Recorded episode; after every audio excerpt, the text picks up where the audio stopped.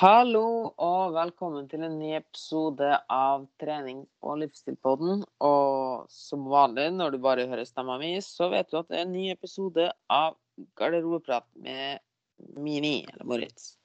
Eh, dette her er vel episode 73 eller 74? Jeg skulle kanskje sjekke opp dette her. Ja ja, uansett. Det er ikke det jeg skal bruke tida mi på i dag. I dag har jeg igjen med meg en flott gjest som har en utrolig spennende historie, som jeg tror veldig mange her ute kommer til å tror jeg kommer til å få mange få mye lærdom og mye innsikt i denne episoden. Og jeg vil bare først og fremst si at det er utrolig tøft av denne gjesten her at hun, at hun tør å stå frem på denne her måten. Eh, men jeg skal ikke fortelle så mye om henne. Hun skal få lov å gjøre det sjøl. Hallo, Inga. Vil du fortelle litt om hvem du er? Hei, hei. Ja.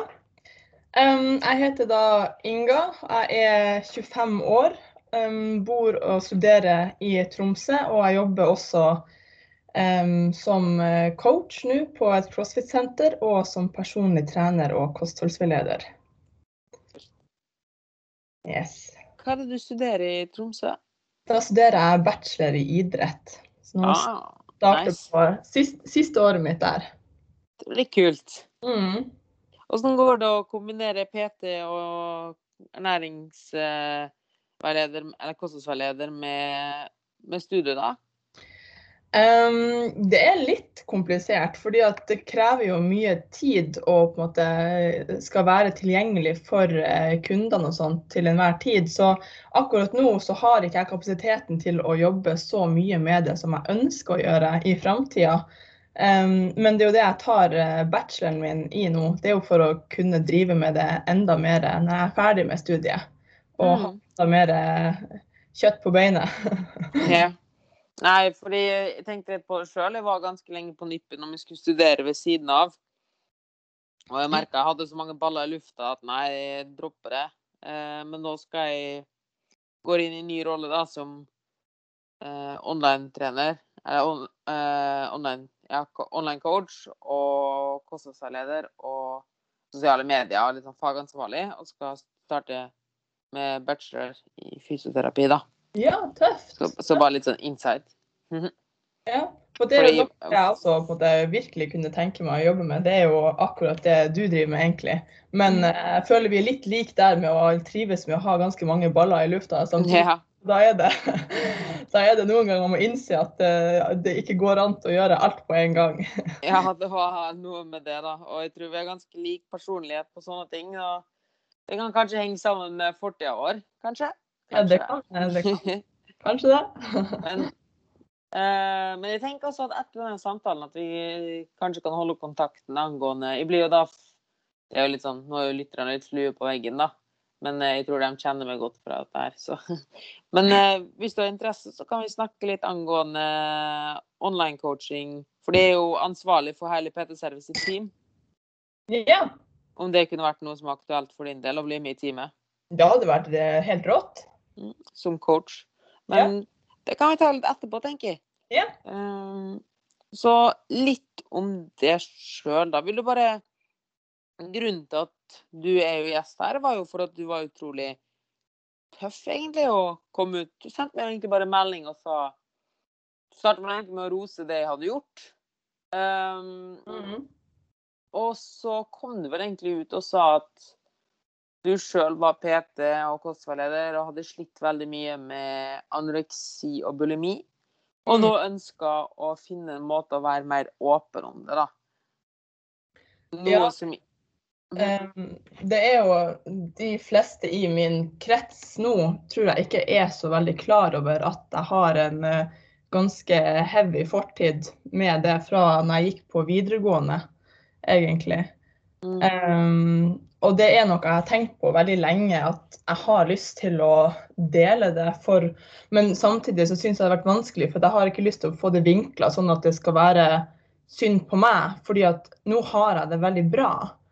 Eh, men jeg ønsker veldig gjerne å på en fin måte å kunne bidra med å hjelpe folk som kanskje står midt i det nå og sliter skikkelig med det, med å se at det går an til å komme seg sterkere ut av det.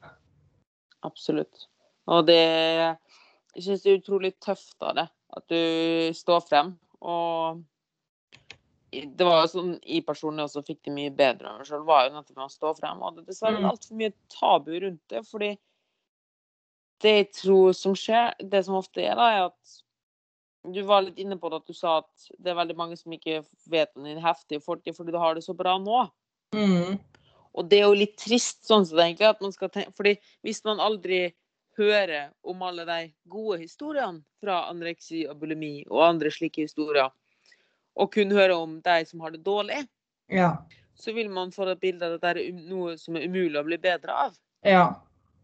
Eh, Så jeg synes det er veldig Men samtidig så skjønner jeg veldig godt at folk ikke tør å snakke om det. Fordi det er jo noe som har ganske mange stigmaer med seg og slike ting. Ja, det, det sitter liksom ganske, ganske i det. Og, og så tror jeg jeg kjente litt på at jeg er litt redd for å skal bli litt dømt for det enda. Og at Mm. jeg på en måte blir satt litt i bås.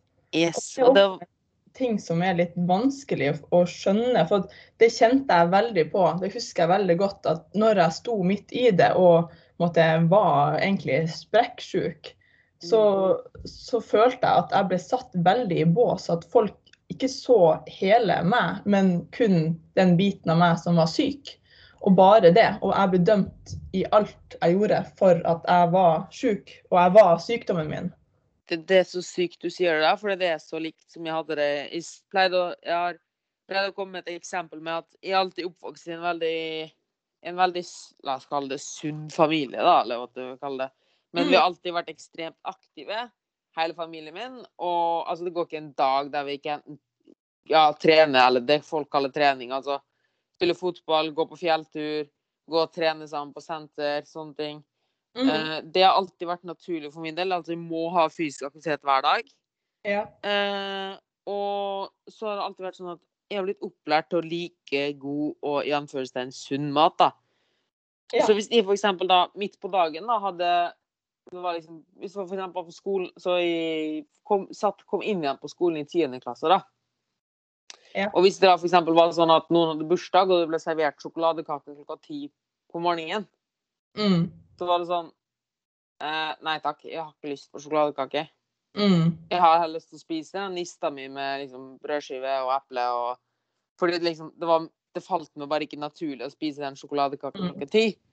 Så Mm. var det sånn at da blir med en gang dømt Å ja, men det er fordi han har anoreksi. Ja. Eh, Eller hvis de eksempel var på en reise, da, flyreise, og så kom inn på hotell, kom inn på hotellet eller et sted litt sent på kvelden eller ettermiddagen, og liksom Å, nå har jeg skikkelig lyst til å bevege meg. Nå har jeg lyst til å trene. liksom Ta, ta en styrkesirkel på rommet, eller ta en løpetur.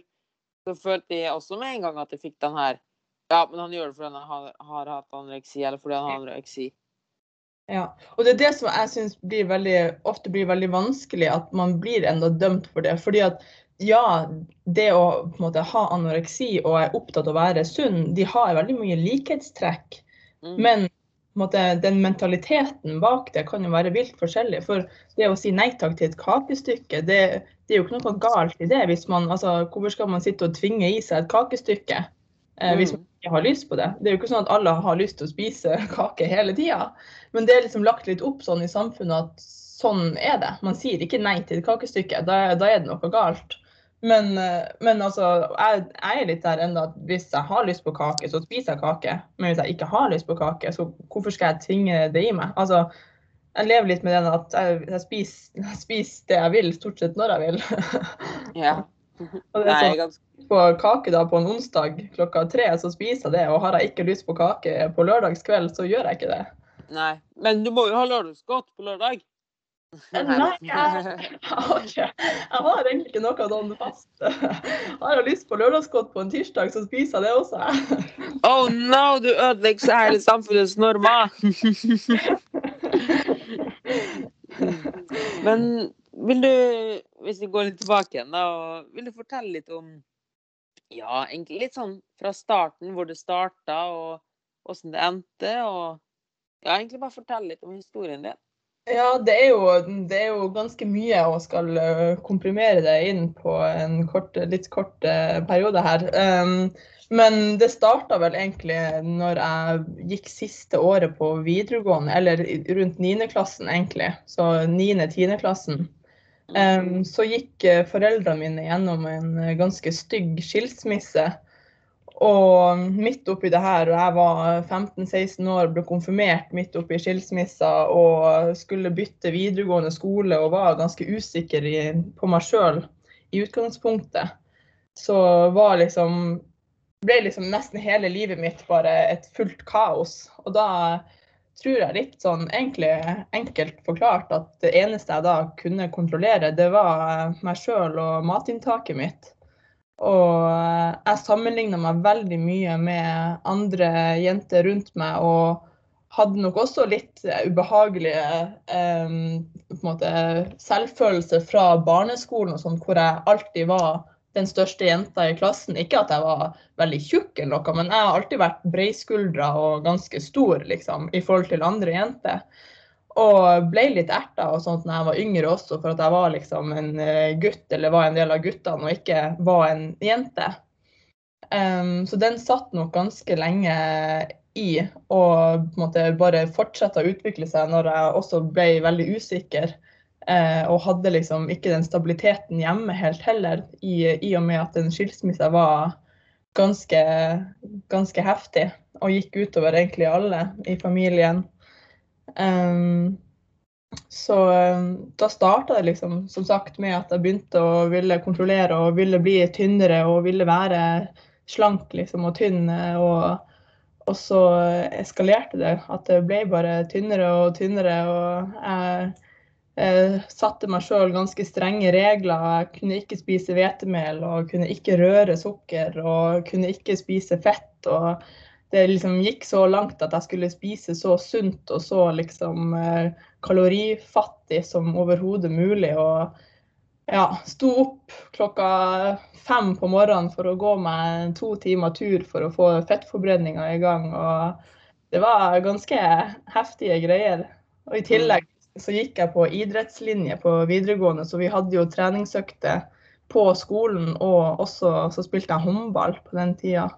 Så jeg var jo veldig aktiv og spiste egentlig minimalt. Så på et par år så tror jeg jeg raste ganske heftig ned i vekt. Eller på rundt ja, første året på videregående, så var det vel egentlig da. Da tror jeg jeg gikk ned nesten 25 kilo.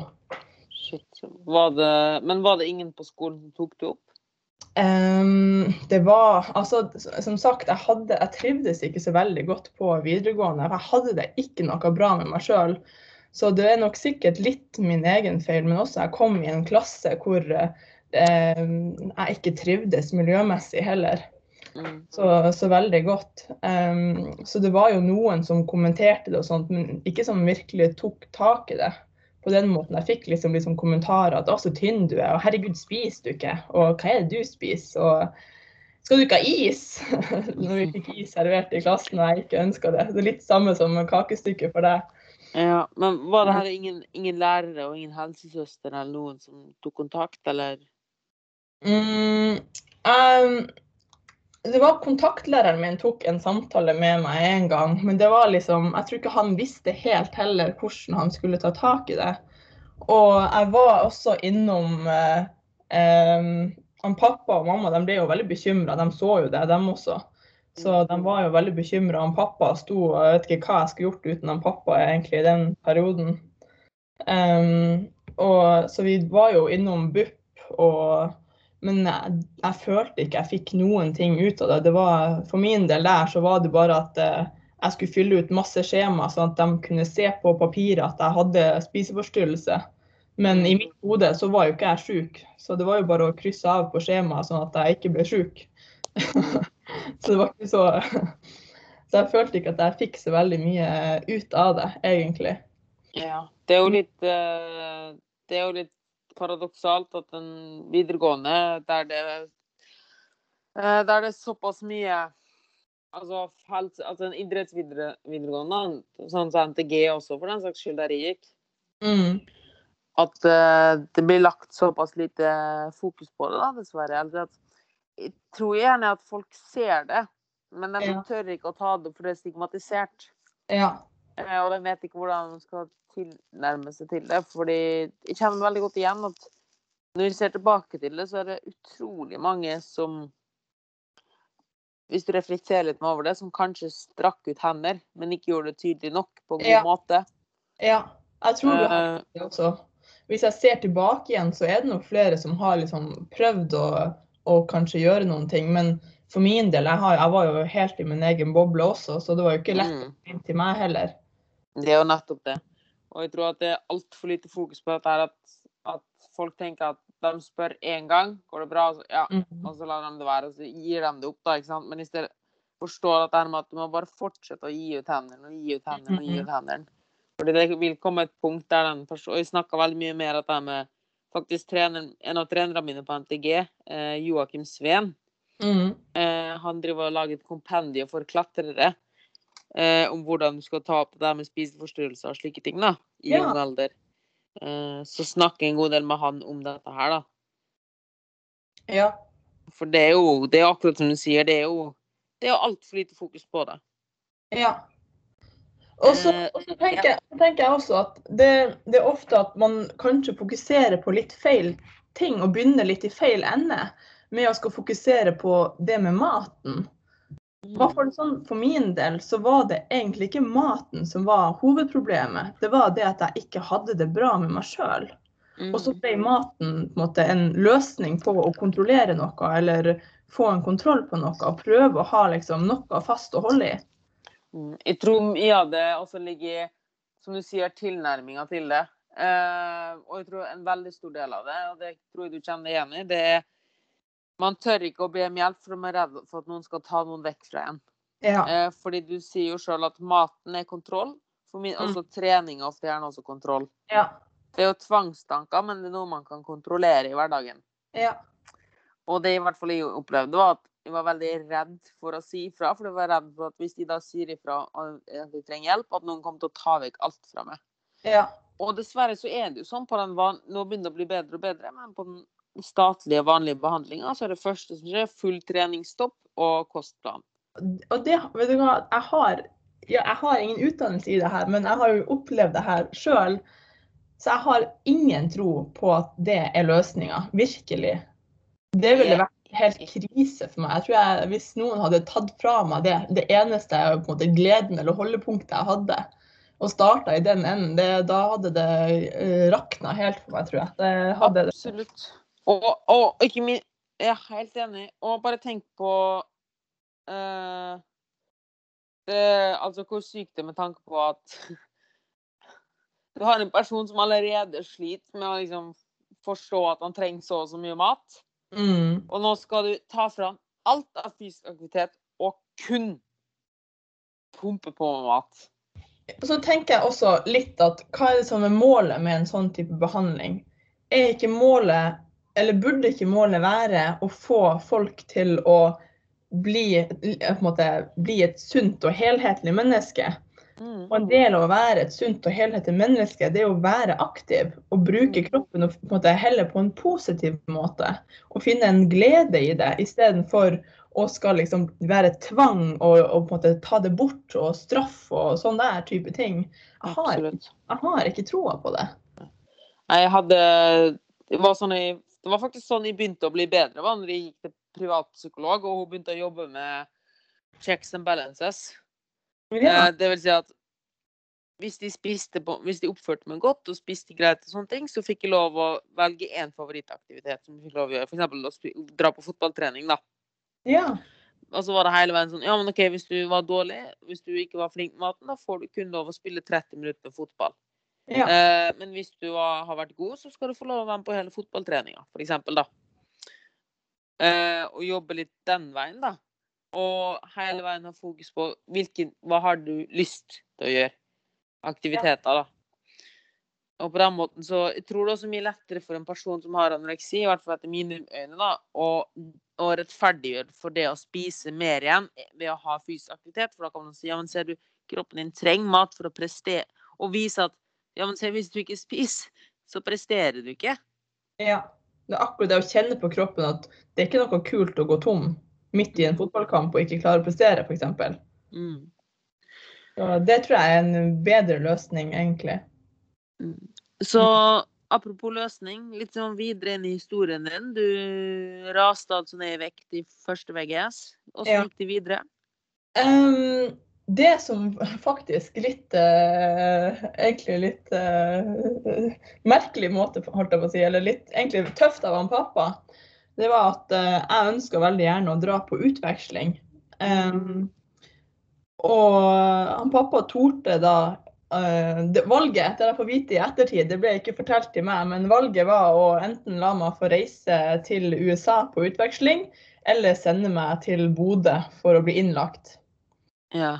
Um, og da eh, valgte han pappa, med måte, støtte fra sin uh, kjæreste, og å sende meg av gårde på utveksling til, eh, til USA. Sjukt. Um, og det kan jeg med hånda på hjertet I mitt tilfelle, jeg kan ikke si at det, det vil være sånn for alle, men det er det beste som kunne ha skjedd meg. Kan det, Um, kan det hende fordi det ble revet ut fra alle dine rammer og rutiner og tvangs... Du liksom få en Du fikk en ny start, på en måte? Ja, det er akkurat det. Jeg kom til en helt ny plass. Begynte på en ny skole.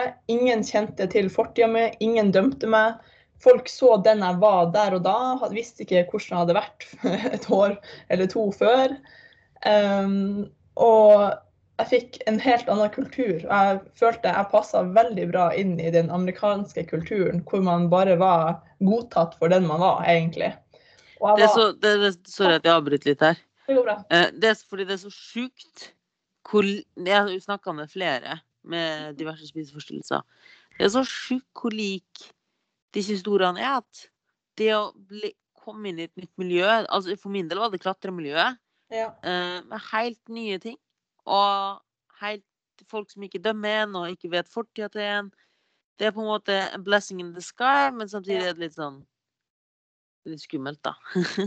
Ja, det var, det var jo skummelt, men sånne her ting har jeg alltid eh, ikke hatt noen problemer med. For jeg er jo egentlig en veldig utadvendt og eh, på en måte sprudlende jente som liker å utfordre meg på ting.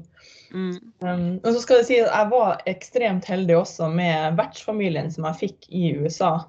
Den, eh, hun Vertsmora mi, vi har enda veldig god og nær kontakt. Hun er noe av det nydeligste mennesket jeg noen gang kunne møtt. og Hun tok så godt vare på meg.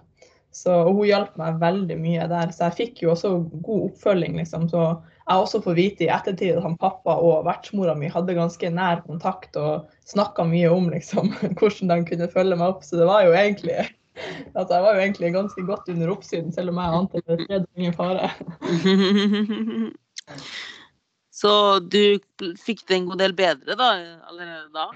Ja, jeg hadde det. Jeg sleit jo enda mye med maten. Jeg var jo enda veldig tynn og sånt. Men det var liksom for min del det året mitt i USA, det var da liksom det begynte å snu ta, til at det gikk nedover med meg, til at jeg snudde og var sånn OK, nå, nå vil jeg bli bedre. Nå vil jeg komme ut av det her. Mm. Og etter det så var det jo fortsatt flere år med arbeid før jeg kom ordentlig ut av det. Jeg kom jo hjem igjen fra USA og um, hadde siste året mitt på VGS. Men da hadde jeg med meg en annen selvtillit enn jeg hadde før. og Da var jeg liksom litt sånn i det miljøet. Jeg brydde meg ikke så mye. og måtte, Hvis jeg fikk slengt noen kommentarer, så var jeg sånn jeg var sånn, Hva er det for noe? liksom, Og brydde, børsta det litt av meg. Um, og så gikk jeg også, når jeg kom tilbake igjen, så begynte jeg å gå til uh, psykolog. Um, og gikk der i ett år og fikk veldig mye hjelp og sånt ut av det. Um, og etter videregående så dro jeg et år på folkehøyskole. Og der også helt nytt miljø. og var på på, Vi bodde jo på folkehøyskolen, og det var egentlig veldig fint at du bodde på folkehøyskolen. Vi fikk fire måltider om dagen, og det var liksom den maten vi fikk servert, det var den du spiste. Så det var liksom sånn, Da slapp jeg å tenke på maten i det hele tatt. Det var liksom du var spist det du får servert. Eh, og det var bare lek og moro og i et kjempeflott miljø. Og da var det liksom mye lettere å glemme det med maten. Det var ikke så viktig lenger, fordi jeg hadde det så bra på alle mulige andre måter. Jeg fatter. Mm. Og så eh, um, etter folkehøyskolen så har jeg jo jobba noen år på treningssenter og, og utdanna meg som personlig trener og også kostholdsveileder.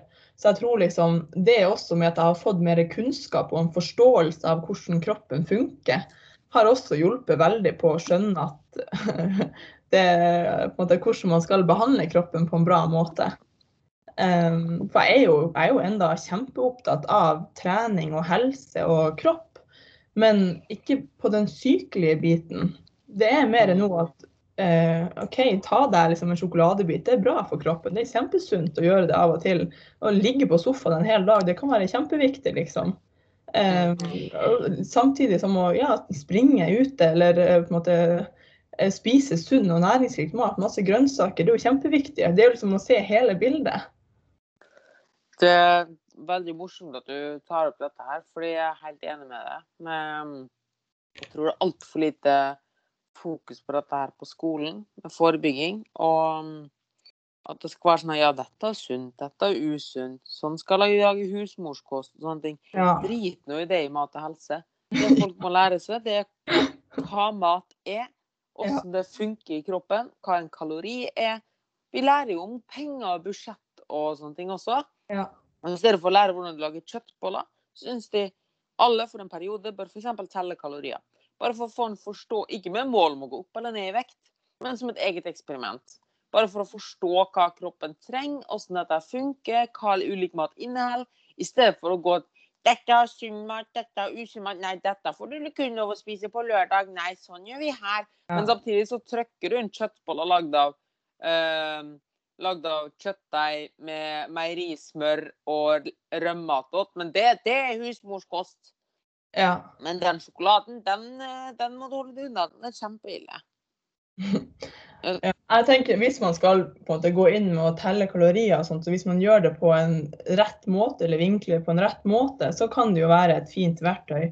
Men det kan jo også bli tatt imot feil. Og der igjen så har det det med opplæring å gjøre. Ja, Og det, det mener at det skulle vært som en del av at jeg ikke så, uh, Dette her brenner jo veldig for, så eh, Jeg syns det bør være del av et eksperiment. Sånn som det, det finnes et eksperiment på ungdomsskolen som er på um, egenøkonomi. Der du skal sette opp et budsjett og gå gjennom regnskapet ditt, etc., etc. Hvorfor kan man ikke gjøre det samme med mat og helse? ja. At du først har en opplæring i hva kroppen trenger, hva som liksom er behovet. Ja. Og så OK, nå skal dere prøve å fikse dette her sjøl. Det har jeg ikke tenkt så mye på, men det, det kunne kanskje egentlig vært en veldig fin ting å gjøre for å lære. Altså, en kalori er jo ikke noe farlig, holdt jeg på å si. Det er jo bare egentlig en målenhet, sammen samme som andre målenheter man har. Jeg pleier å bruke det veldig mye i kostholdsveiledninga mi, og sammenligne med pengebudsjett og slike ting. Ja.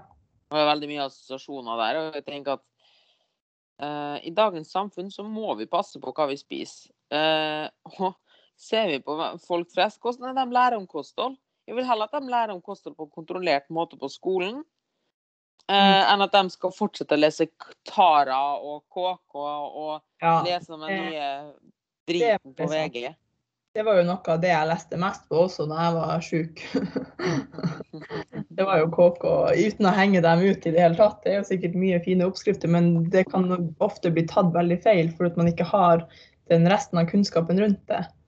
Mm. Man bare ser på kalorier og ikke har noen andre forståelser enn det, og tror at en kalori er farlig. Mm, det blir litt, det blir litt som å si at OK, nå skal du spare penger. Du, skal bruke du, du har ikke noe plan eller strategi. Du skal bruke minst mulig. Og så vet du at du har ikke lov å kjøpe ting fra Adidas og ikke lov å kjøpe ting fra Garmin. Ja. Det Det er sånn, ja, men hvorfor, ja, men hvorfor er det sånn? Nei, det bare er sånn. For hvis du gjør det, så har du ødelagt hele sparinga di. Ja. OK. ok. Det var en god oppsummering. Ja.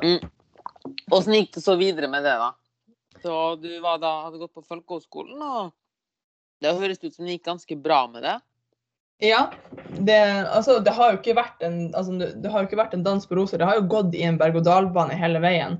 Mm. Jeg har jo ligget i fosterstilling og grått noen dager og eh, vært helt ute av meg og på en måte tvangstrent og oppi det her liksom hele tida, hele veien. Selv om jeg har vært sånn jeg vil bli bedre, så møter man på smeller gang på gang og på en måte må eh, prøve å komme seg opp på beina og bare fortsette igjen. Så det har virkelig vært tøft til tider. Og det har ikke vært noe eh, dans på roser eller sånt. Det har vært liksom mye arbeid og mye liksom Jeg har egentlig plaga meg sjøl ganske mye. Unødvendig, egentlig. Eh, men det er jo sånn den, eh, den sykdommen eh, er. At man får de tankene i hodet. Så det å jobbe dem bort har vært liksom mye arbeid. Og det som sagt, det med å bare gi det tid, fått hjelp fra psykolog, arbeida med meg sjøl og bli glad i meg sjøl, rett og slett. Det høres kanskje litt rart ut, men å måtte se seg sjøl i speilet og uh, si fine ting til seg sjøl Jeg tror det er altfor undervurdert. Ja, Vet du hva kort tror ikke på det de ti første gangene du sier det, så tror du kanskje ikke på det sjøl, men hvis du sier det over tid, så til slutt Mm. så vil det sette seg. Absolutt. Vet du hva coachinggruppa mi heter? Det høres sykt kleint ut. Det heter Vær awesome. Det høres sykt det høres sykt kleint ut, men, Nei, for, det. men det, det høres ut der, Vær awesome med deg sjøl, med dem rundt deg. ja, Um, kjempe, det er et kjempekult navn. og takk. Jeg syns det er veldig spennende det du nevner her med Jeg syns det er veldig bra du tar opp dette her med at, at det ikke var en dans på roser. Mm. Eh, For jeg tror veldig mange tror at det er en sånn binært forhold, ja, anoreksi eller spiseforstyrrelse, enten, eller generelt psykiske lidelser, enten så er du frisk, eller så er du syk. Ja.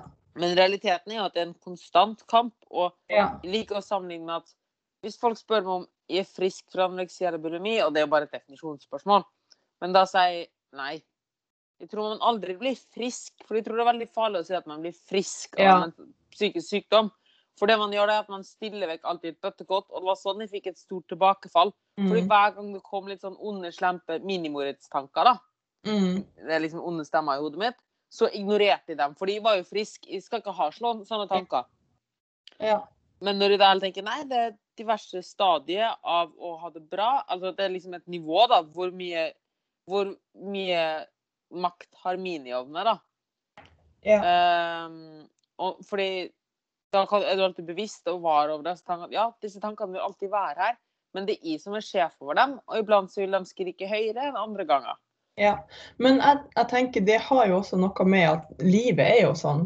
Altså om man er sjuk eller ikke, eller på en måte hva man skal ha, så, så går jo livet opp og ned. Noen perioder så har man det dritt. Det er jo en del av å være menneske. Absolutt. Å kunne akseptere det. Ja, det er det som er viktig. Å kunne på en måte ikke bare skyve det unna og måte ikke anerkjenne det, men heller ta det inn og være sånn OK, akkurat i dag så har jeg det skikkelig dritt, og det er greit. I morgen så er det kanskje bedre. Ja, og så være ærlig om det og si at ja, i dag har det dritt. For det Mm. tror jeg altfor lite som de snakker om. Sånn, Nei, jeg har det kjempebra. Ja, jeg har det så bra. Altså. Og, så, og så skal i stedet for å si du, i dag har jeg en litt dårlig dag. Ja. Hva er feil med det? Også sånn tabu, liksom. Ikke, jeg har som ikke snakket så mye om, men i dag har jeg en dårlig dag. Ja. Ehm, hva jeg skulle frem til? Jo, uh, litt det du snakka om. Så, jeg vil gjerne høre litt om hvordan du jobber med disse tankene sånt rundt det. Uh, fordi jeg, jeg bruker veldig mye dette mottoet med at uh, You have to own it.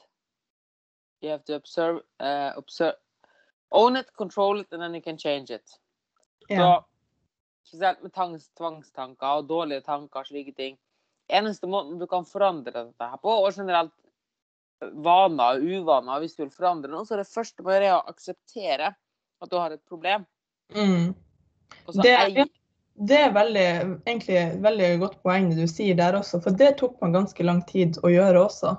For i starten, det var tilbake da før jeg reiste på utveksling, og egentlig også når jeg var på utveksling, så benekta jeg det.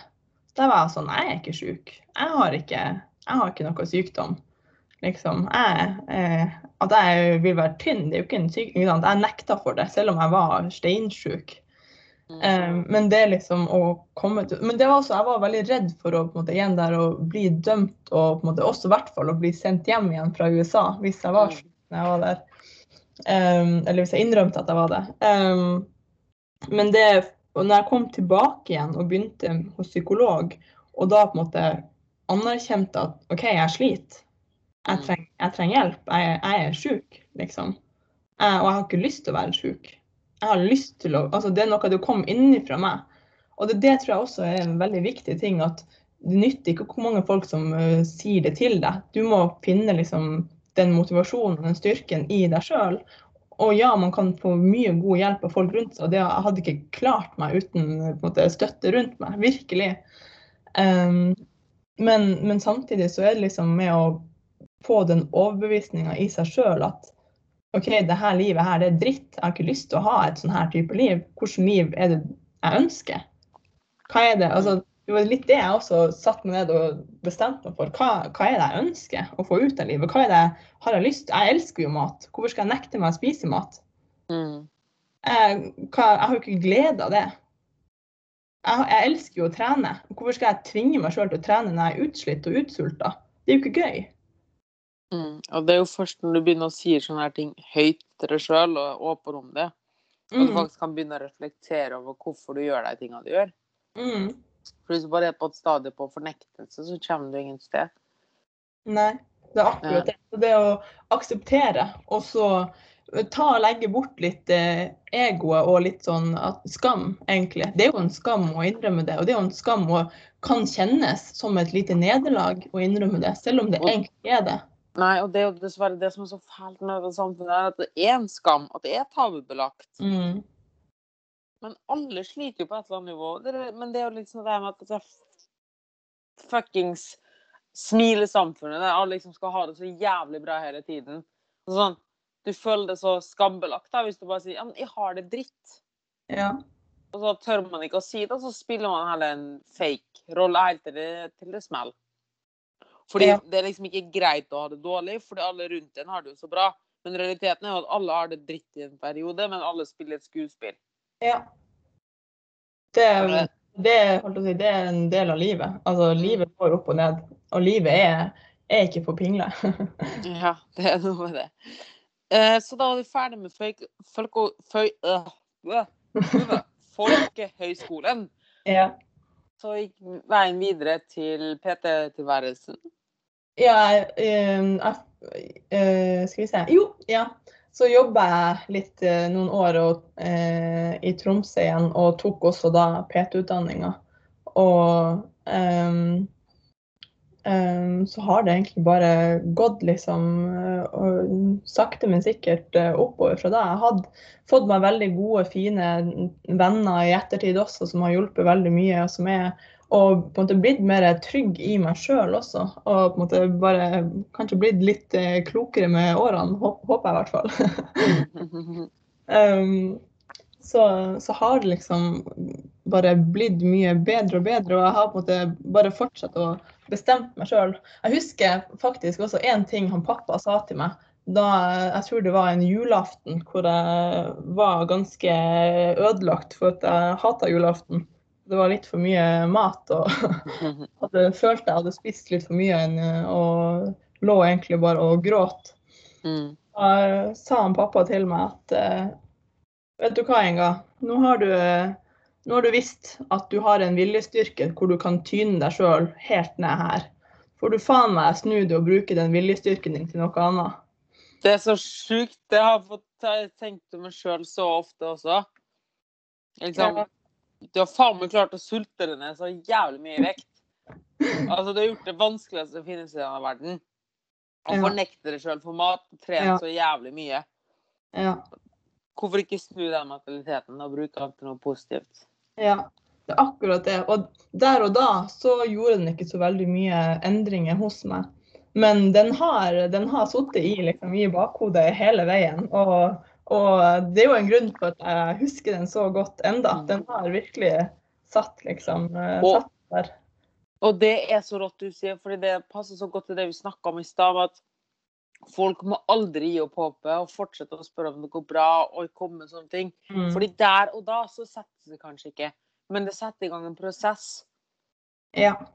Så hvis noen spør har du det bra, eller et eller annet. Det er liksom Jeg tenker egentlig et bedre spørsmål. For hvis man spør har du det bra, så er det veldig lett å bare si ja. og slippe Veldig godt poeng. Men hvis du sier hvordan, hvordan går det med deg? Mm.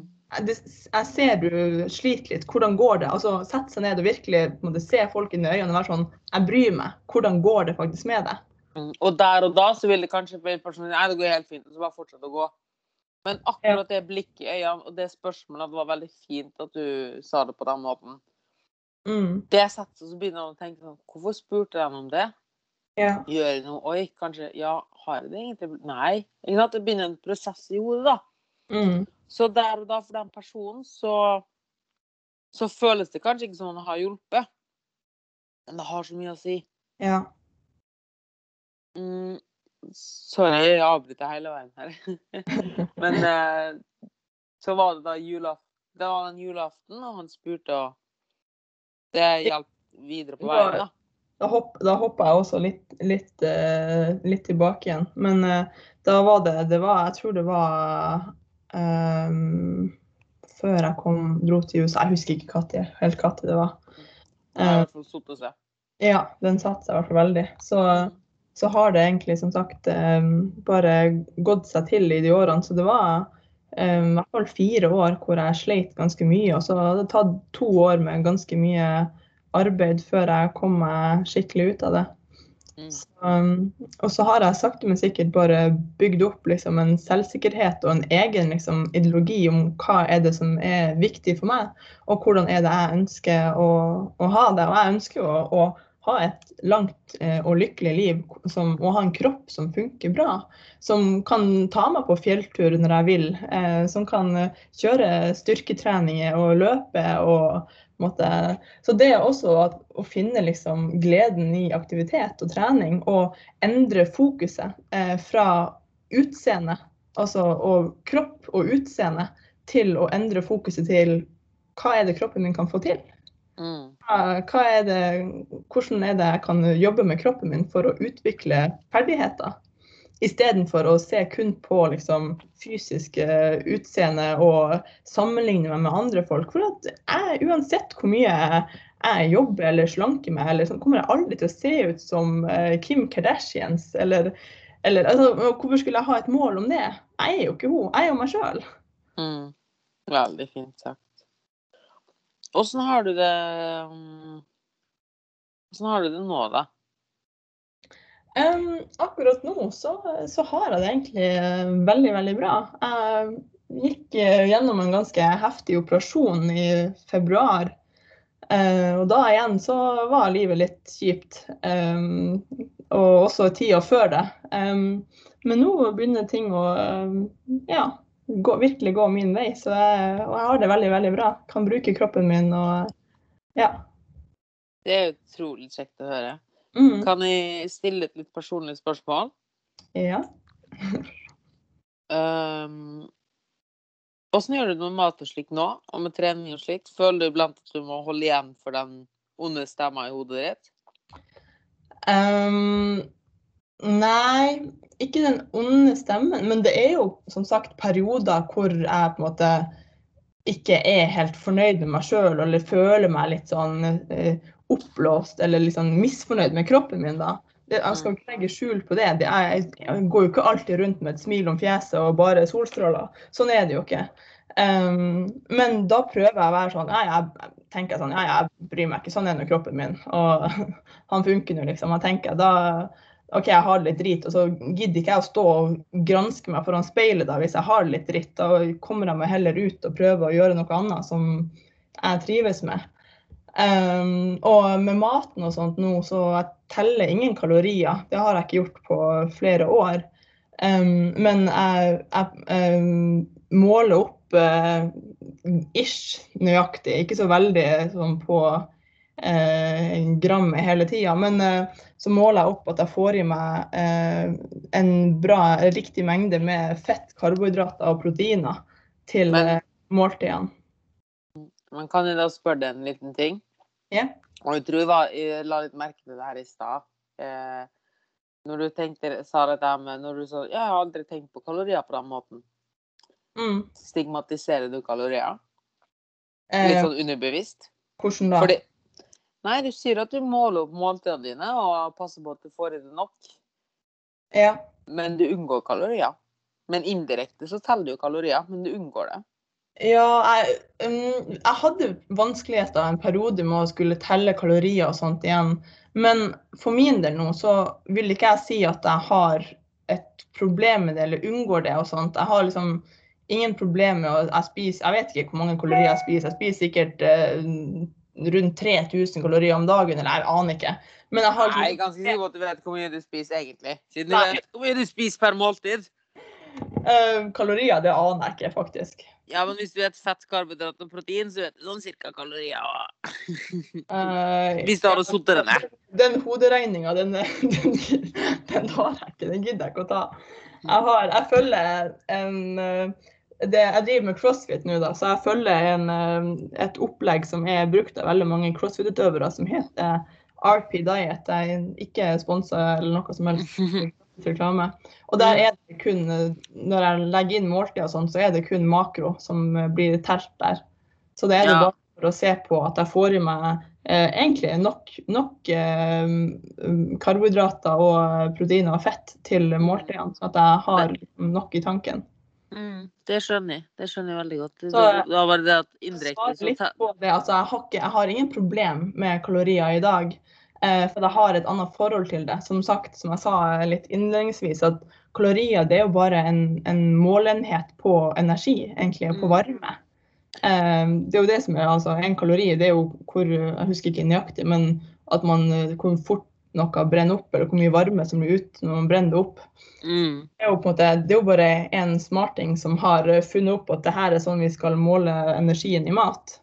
Absolutt. Og, så, og samme er det egentlig med makro også. Altså, du kunne jo Og det er ikke ment at det kalorier er så jævlig mye bedre nå. Du, altså, du har funnet Det som jeg syns var litt morsomt, var bare at øh, vi er litt like på den måten. Da. Uh, altså, når du ser på makroene dine, så er du indirekte også kalorier. ikke sant? Når du har x antall gram Ja, eh, protein, x antall gram fett, x antall gram protein, så blir det jo Ganger du med fire, ganger med ni, så vil du jo få kaloriene dine som sirkus. ja. Eh, Altså, det er ikke det som er på en måte fokuset mitt. nei, jeg, jeg skjønte det. Fokuset mitt er jo bare at jeg skal få i meg um, nok eh, Altså etter trening, f.eks. At jeg skal få i meg en god mengde med karbohydrater. Sånn at jeg passer på at jeg faktisk spiser nok til at jeg får eh, gitt kroppen min næring eh, for å Mm. restaurere seg. Istedenfor å skal telle på kalorier. Om jeg spiser liksom 500 kalorier eller 1000 kalorier til det måltidet for å få i meg liksom, de karbohydratene og sånt, så, eh, så er jeg ikke så nøye på det. Jeg prøver jo Mm. selvfølgelig å spise liksom, sunn og næringsrik mat. Eh, men det er liksom ikke for å skulle slanke meg, det er jo for å gi kroppen min bra næring. Mm. Og det var litt det jeg ville komme på siste punkt der. Var litt det, fordi, det var derfor det var på en måte et ledende spørsmål, og så ble jeg litt overraska over svaret ditt. da. um, men så høres det ut som det faktisk var litt det jeg tenkte på likevel, bare en litt annen måte på det. Og det er sånn Jeg teller jo også kalorier, eller jeg teller kalorier og ser på at jeg i hvert fall får nok carbs og nok eh, protein og nok sunt fett. Um, og jeg bare bruker en app. Altså MyFitnessPal heller ikke sponsa eller noe sånt, og, men det er bare en veldig enkel måte å gjøre det på. Og for min del er det også prestasjon. altså av jobb og akkurat nå så jobber jeg litt med et prosjekt om å bli flinkere på ultraløp. Så jeg er oppe i ja, 10-15 km per dag løping, mm. og så gjerne en styrkeøkt i tillegg. eller noe sånt da. Mm, Pluss være på gulvet hele dagen som PT. mm. Det gjør det litt. Ja. Ja, ikke sant? Og du kjenner jo sikkert godt igjen som crossfit-utøver, og da, er, da må jeg ha mye mat. Mm. Og det at folk må skjønne at kaloritelling betyr ikke å slanke seg. Nei, det er jo veldig kanskje For det er litt det som er i samfunnet. Det at med en gang man skal telle kalorier, så er det jo Og det er derfor jeg er litt forsiktig med å snakke om det også. For at det er veldig Eller, eller karb, eller, eller generelt bare La oss ikke kalle det kaloritelling, fordi som du sier, det er stigmatisert. La Ja. oss skal ha en oversikt over kostholdet sitt. Ja. Det skal være, at det skal, liksom skal være assosiert med slanking. ja. Altså, bare fordi jeg, bare fordi jeg har en oversikt over budsjettet mitt, altså pengebruken min, ja. så betyr jo ikke det at du skal spare ekstremt mye. Men jeg har en oversikt over hva som er fornuftig å bruke penger på, og hva som ikke er fornuftig å bruke penger på. Ja. Det er jo egentlig en veldig Altså det tenker jeg i hvert fall for når man er sånn som jeg og du, som er godt over gjennomsnittet aktiv og ønsker å prestere på trening, så er jo altså Maten er jo på en måte energien vår, eller på en måte tanken vår til å få altså, Det er jo superviktig å ha mat, søvn og nok hvile da, ellers for å få en framgang på treninga. Og da er det veldig viktig å ha en viss oversikt over hva man putter i kroppen for å, mm. at den skal fungere.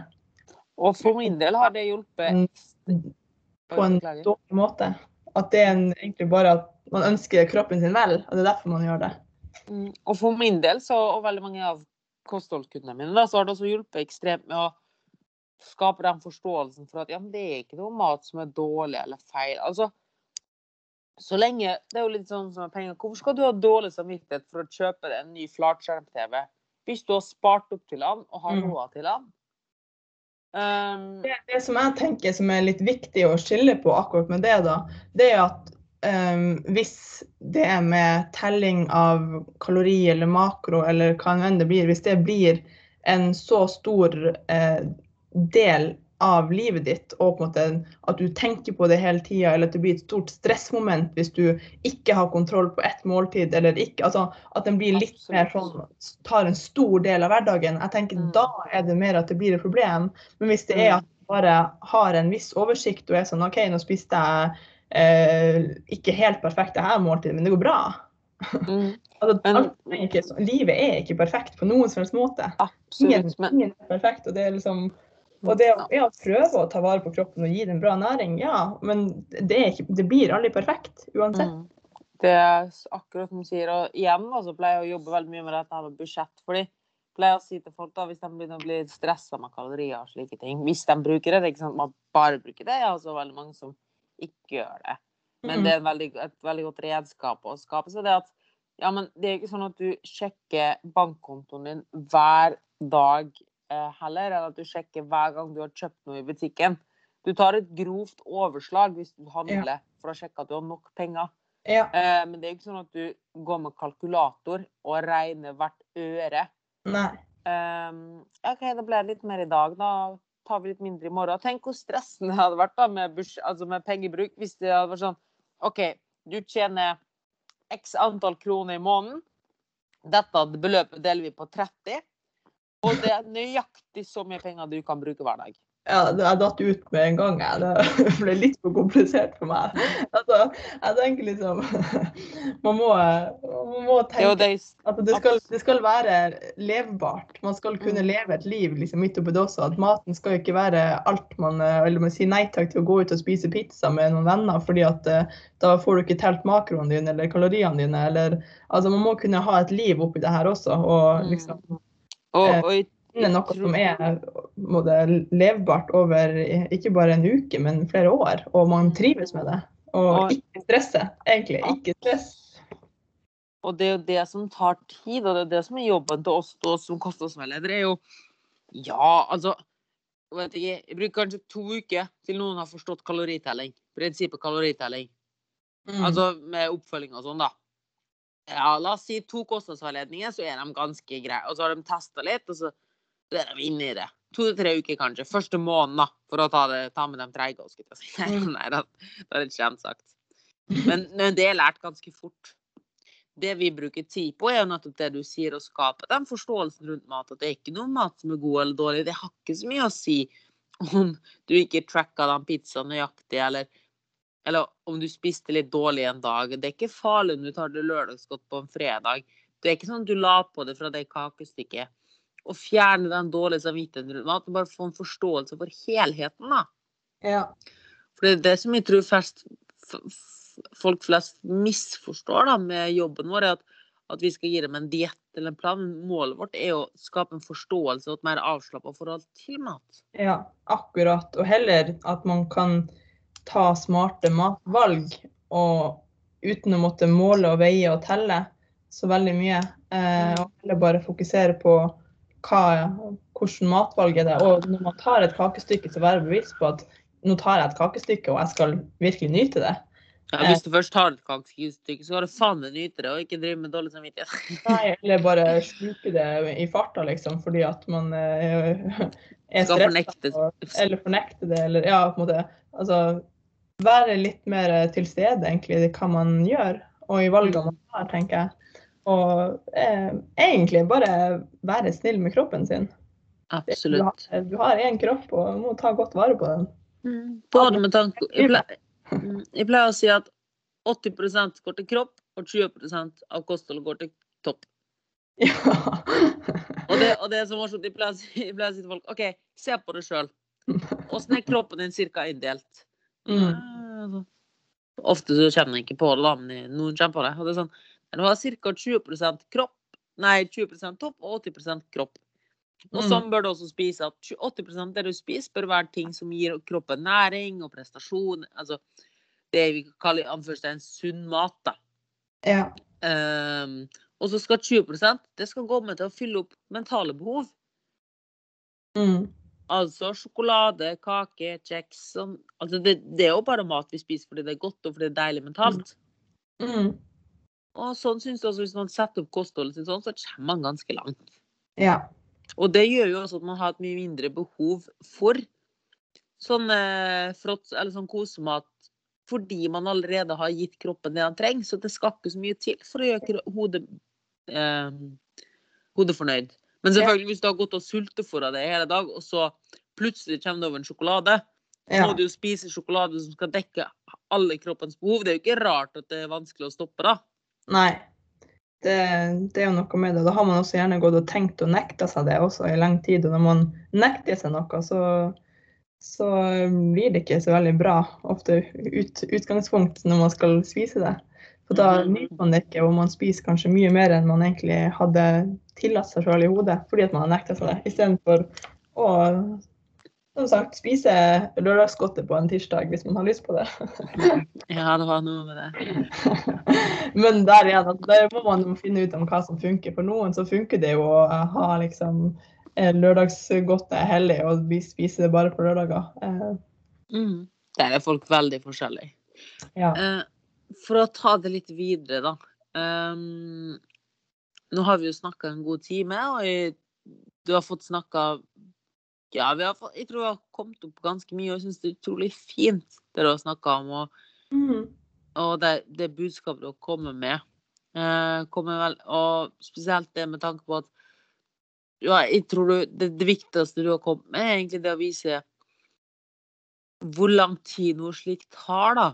Mm. Og at det er en konstant kamp. Og ja, du har det bedre, men det betyr ikke at liksom alt er fryd og game og alt lagt bak seg. Nei.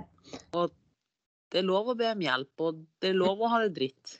Mm. Ja, virkelig. Det er lov å ha det dritt. Det tror jeg er så viktig. Og ingen har det helt uh, nydelig hver dag. Altså, alle, alle har det dritt til tider. Og har liksom en terskel, og egentlig tørre å vise litt mer. Så jeg prøver, når jeg er på en måte utad også, jeg prøver liksom å eh, være meg sjøl. Altså, og jeg klarer ikke helt å ikke være meg sjøl heller, egentlig. Er jeg veldig glad, så er jeg veldig glad. Og er jeg, har jeg det litt dritt, så, så kan man se det på meg. Så hvor bra det alltid er, det vet jeg ikke helt. Men det er liksom litt av det min ideologi. det er at Man må, man må være seg sjøl, og man må tørre å være seg sjøl. Og, og stå for det, liksom. Så jeg, jeg er meg sjøl, jeg er litt rar og litt sånn vimsete og sånt. Men det er også fordi at det, det er sånn jeg er. Og jeg, og, og jeg lever for at man må tørre å være seg sjøl og stå i det. Og drite litt i hva andre folk tenker og tror om alt hele tida. Absolutt. Og finne ut hva er det som skal til for at jeg har det bra i livet mitt. Og gi litt faen. Gi litt mer faen. Det tror jeg er ganske viktig. Mm. Mm. Så helt til slutt så pleier jeg å spørre um, det vi har snakka med, om hvis de hadde snakka med seg sjøl med de kunnskapene de har i dag, for ti år siden Eller 20, spørs alltid hvor gammel man er. uh, men hva hadde du sagt til deg sjøl? Um, jeg tror uh, Jeg tror det måtte vært at eh,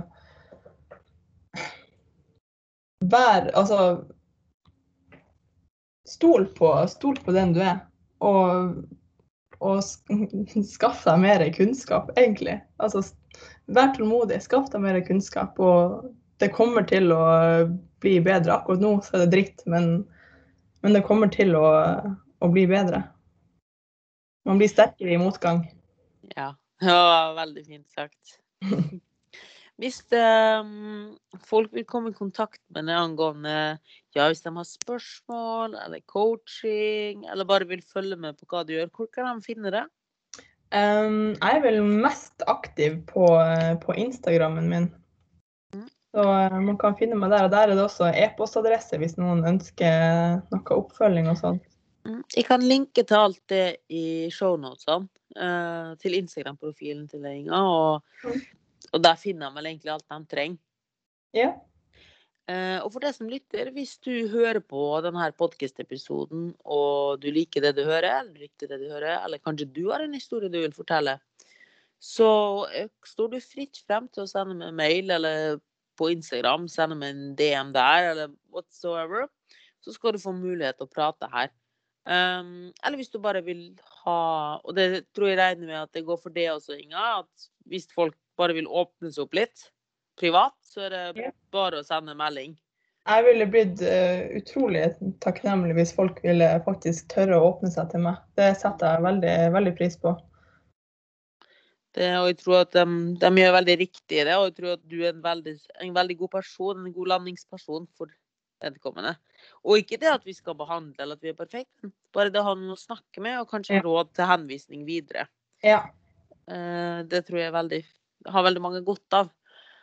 Um, og med det så vil jeg egentlig bare si tusen takk for at du var med, Inga. Og hvis du som lytter hørt, hørte på og likte episoden, setter vi stor pris på å dele den på Instagram eller Facebook, eller send oss feedback. Og tagge med og Inga i den storyen. Da hadde det også vært veldig kjekt. Tusen takk for at jeg fikk bli med. Det var veldig hyggelig. Så ikke hopp helt av tråden ennå, Inga. Jeg skal prate litt med deg på etterkant. I etterkant.